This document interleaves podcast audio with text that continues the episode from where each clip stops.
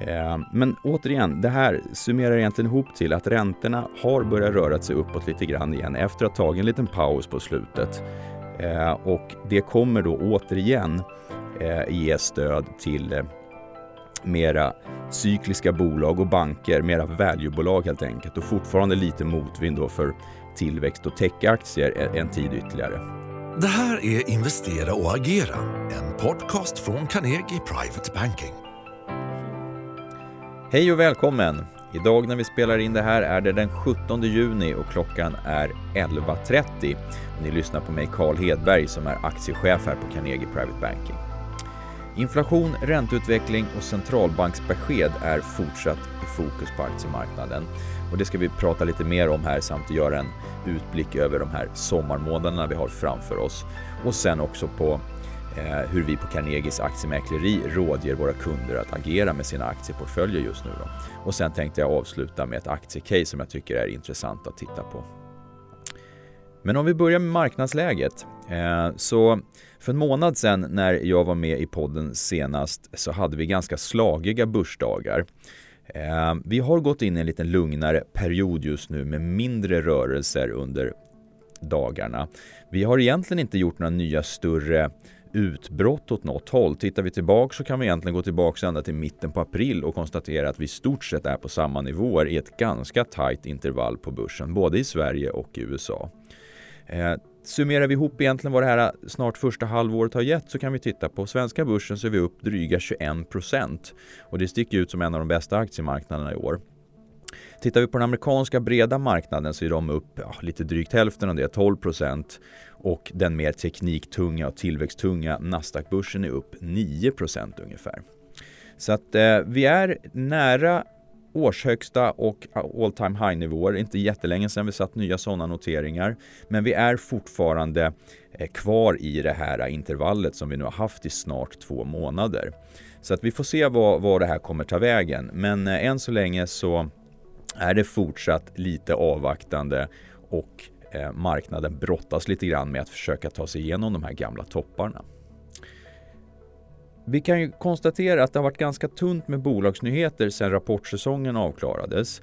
Eh, vi är dessutom förbi utdelningssäsongen i princip helt och hållet och vi är ju inne i det lite svagare säsongsmönstret som är över sommaren fram till, till hösten. Eh, Fokus har ju mycket varit på olika typer av datapunkter här senaste månaden. Eh, vi har ju haft då inflationssiffror, eh, vi har haft arbetsmarknadsstatistik eh, och nu igår då så hade vi ju ett räntebesked från amerikanska Federal Reserve. Så att i brist på andra nyheter och andra datapunkter så har det blivit mycket fokus på det här. Men trots då egentligen ganska mycket händelser på, på de områdena Eh, och ett stort intresse så har vi egentligen inte fått några större rörelser på aktiemarknaden.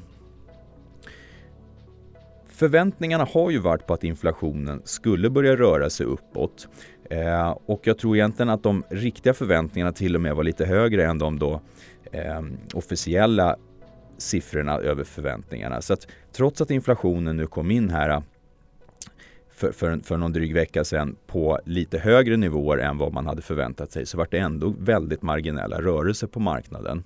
Så att förväntningarna har ju varit på att inflationen ska upp. Eh, men samtidigt har marknaden ändå tagit fasta på det som har kommunicerats från centralbankshåll att det här är till stor del övergående effekter och man kommer inte agera på det än så länge. Tittar vi lite grann på då det som sades från amerikanskt håll igår eh, från Federal Reserve så kan vi återigen då konstatera att de uttalar sig om att inflationsuppgången med stor sannolikhet är temporär. Eh, men att man kanske inte fullt lika tydligt poängterar det här utan ser riskerna på uppsidan helt enkelt. Eh, mest anmärkningsvärt kanske är att man nu börjar prata om räntehöjningar redan 2023. Det har man ju tidigare sagt att det inte kommer ske så tidigt. Dessutom så finns det ju faktiskt ett par ledamöter som redan pratar om då höjningar 2022. Så att eh, förväntningarna på lite tidigare ränteuppgång tror jag vi får, får leva med här nu. Men å andra sidan så tror jag även det här var ganska eh, mycket förväntat, eh, till stor del åtminstone. För vi har ju sett hur räntemarknaden har prisat in ränte, räntehöjningar tidigare än då vad Fed har signalerat i sina uttalanden. Eh, kanske mer intressant för aktiemarknaden är ju då att titta på det här med att man börjar trappa ner de här eh, eh, likviditetsåtgärderna, de här stora inköpsprogrammen som man har. Eh, och det här är egentligen ingenting man har kommunicerat någon tidplan eh, kring utan snarare egentligen bara lite mer i lösa termer prata om att det kan ligga närmare i tiden än förväntat. Eh, men jag tror att även det här är någonting som marknaden har delvis börjat förbereda sig på. Eh, men återigen, det här summerar egentligen ihop till att räntorna har börjat röra sig uppåt lite grann igen efter att ha tagit en liten paus på slutet. Eh, och det kommer då återigen eh, ge stöd till eh, mera cykliska bolag och banker, mera valuebolag helt enkelt och fortfarande lite motvind då för tillväxt och techaktier en tid ytterligare. Eh, sen har vi givetvis pratat tidigare om att det finns bolagsspecifika fall som då kan finnas i, i tillväxtsektorn som ändå kommer kunna vara intressanta. Men, åt, men i när, närmsta tiden så är det fortfarande fördel för de här värdebolagen. Och, eh, men mer utförlig kommentar kring eh, det här eh, uttalandet och beskedet då från Fed kommer du hitta på carnegie.se samt i vårt nyhetsbrev Veckans viktigaste.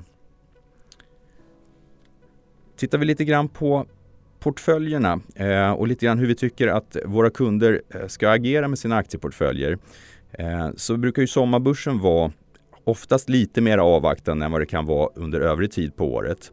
Och eh, jag har ju tidigare pratat om att jag tycker att man ska ha en lite högre likviditet för att kunna agera på mindre rörelser. Eh, och egentligen att strategin köpa på rekyl har, varit det vi har sett att funka bra. Och det tror jag fortfarande kommer vara så. Jag tycker fortfarande man ska se rekyler som köplägen. Eh, och jag tycker därför att kortsiktiga investerare ska ha en liten kassa i beredskap för det. Så att Får vi en rörelse neråt eh, till den lägre delen i det här handelsintervallet vi har legat i senaste två månaderna så tycker jag att man ska utnyttja det som ett tillfälle att köpa. Skulle det även vara så att vi istället bryter upp igenom och gör nya eh, all time noteringar och vi får ett konstaterat genombrott av det här så tycker jag även man ska agera på det och ta sin likviditet att köpa in sig i marknaden för en kortare rörelse uppåt. Då, då borde vi kunna ha ett par procent med oss. På lite längre sikt, ja men då tycker jag det är fortfarande stöd för aktier. Vi har låga räntor, om än i stigande takt, men det är låga räntor i absoluta tal. Eh, vi har fortfarande en förväntad vinsttillväxt bland bolagen som är ganska god.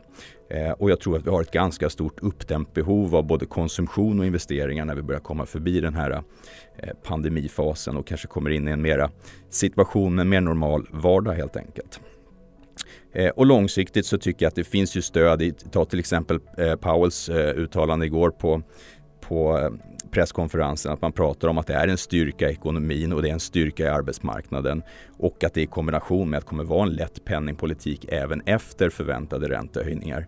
Det tycker jag ger stöd för aktiemarknaden ytterligare ett tag till. Så att vi ser positivt på aktiemarknaden för, för höstens del. Tittar vi på ett mer specifikt aktiecase då utifrån Eh, den här synen så tycker jag att eh, bolaget Nobina kan vara intressant att titta på. Det här är ju Nordens största kollektivtrafikföretag. Eh, det är en icke konjunkturkänslig verksamhet visserligen, men den har en väldigt bra stabilitet. De har dessutom kompenserat den här svackan under pandemin med att utveckla egentligen en, en verksamhet med mobila covid teststationer. Och det här har hållit upp intäkterna ganska bra under den perioden när resandet har varit lite lägre. Eh, men vi ser en ganska bra återgång i, i den vanliga grundläggande verksamheten. Eh, kostnadssidan är ju väldigt inflationsskyddad eftersom den är kopplad mot konsumentprisindex.